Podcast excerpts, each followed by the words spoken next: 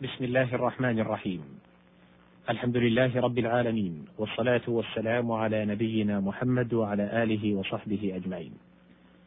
أيها المستمعون الكرام والمستمعات الكريمات السلام عليكم ورحمة الله وبركاته.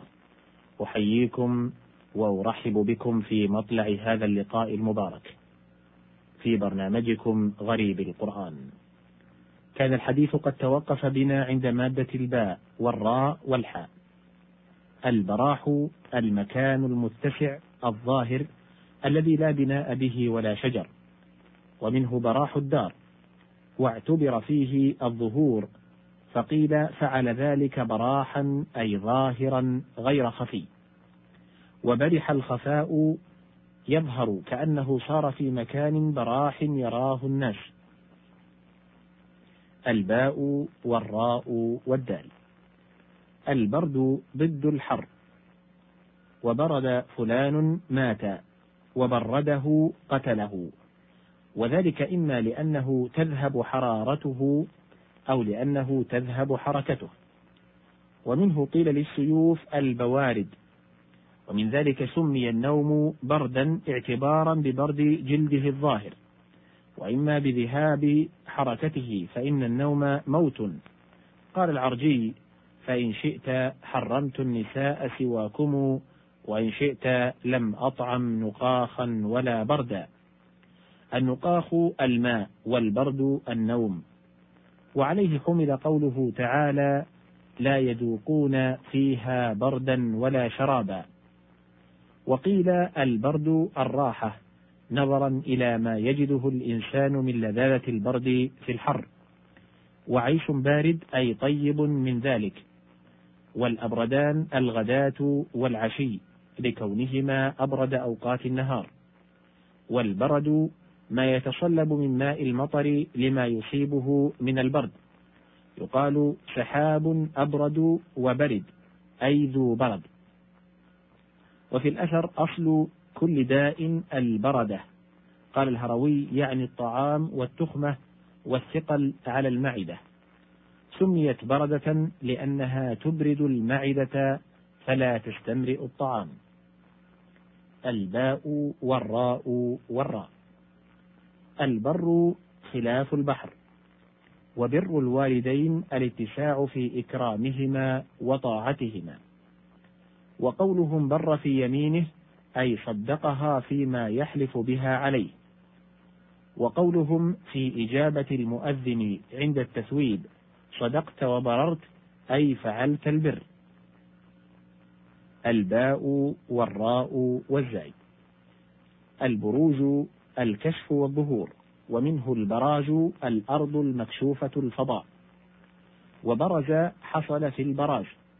والمبارزة في الحرب أن يبرز للغريم لأنه يظهر نفسه ويبرز بها من الصف.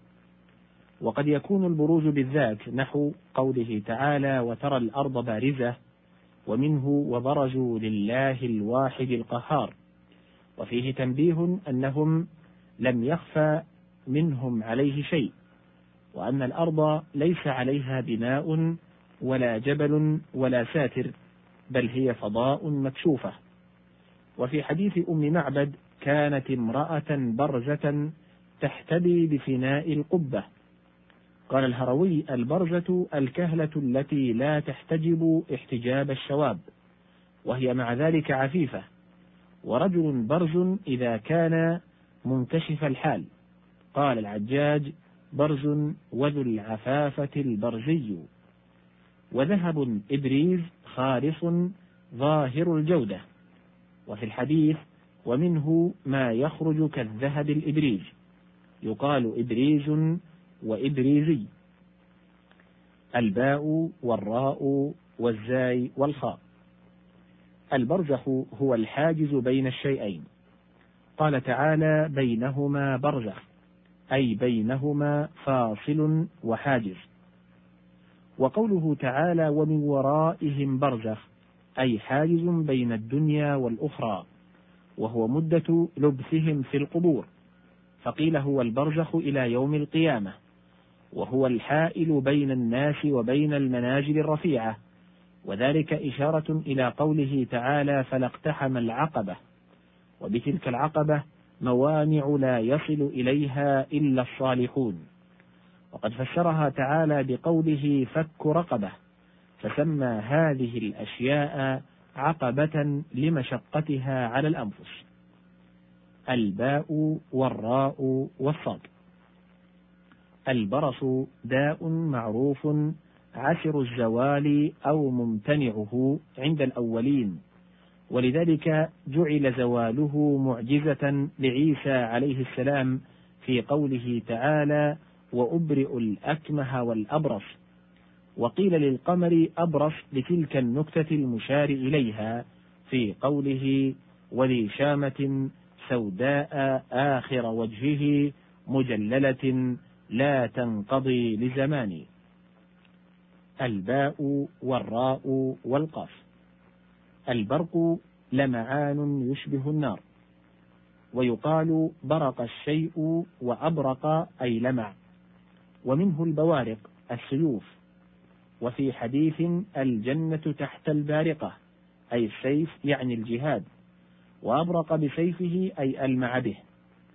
وقوله فإذا برق البصر أي حار من الفزع والدهش.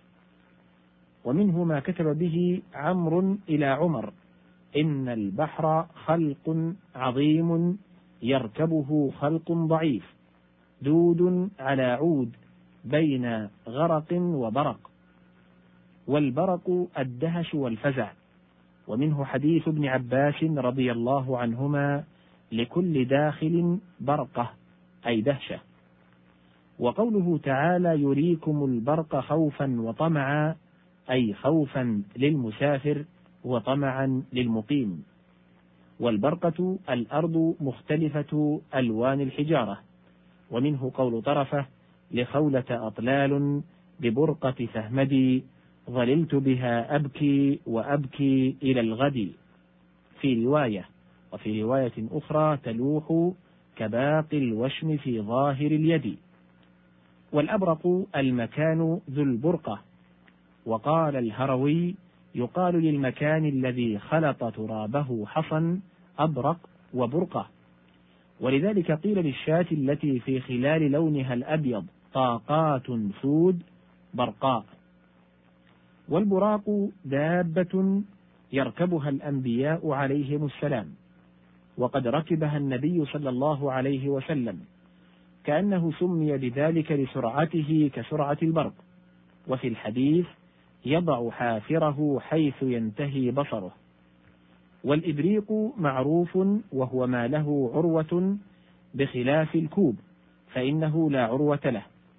وفي حديث صفية كأن عنقه إبريق فضة وجمعه أباريق قال تعالى وأباريق وكأس.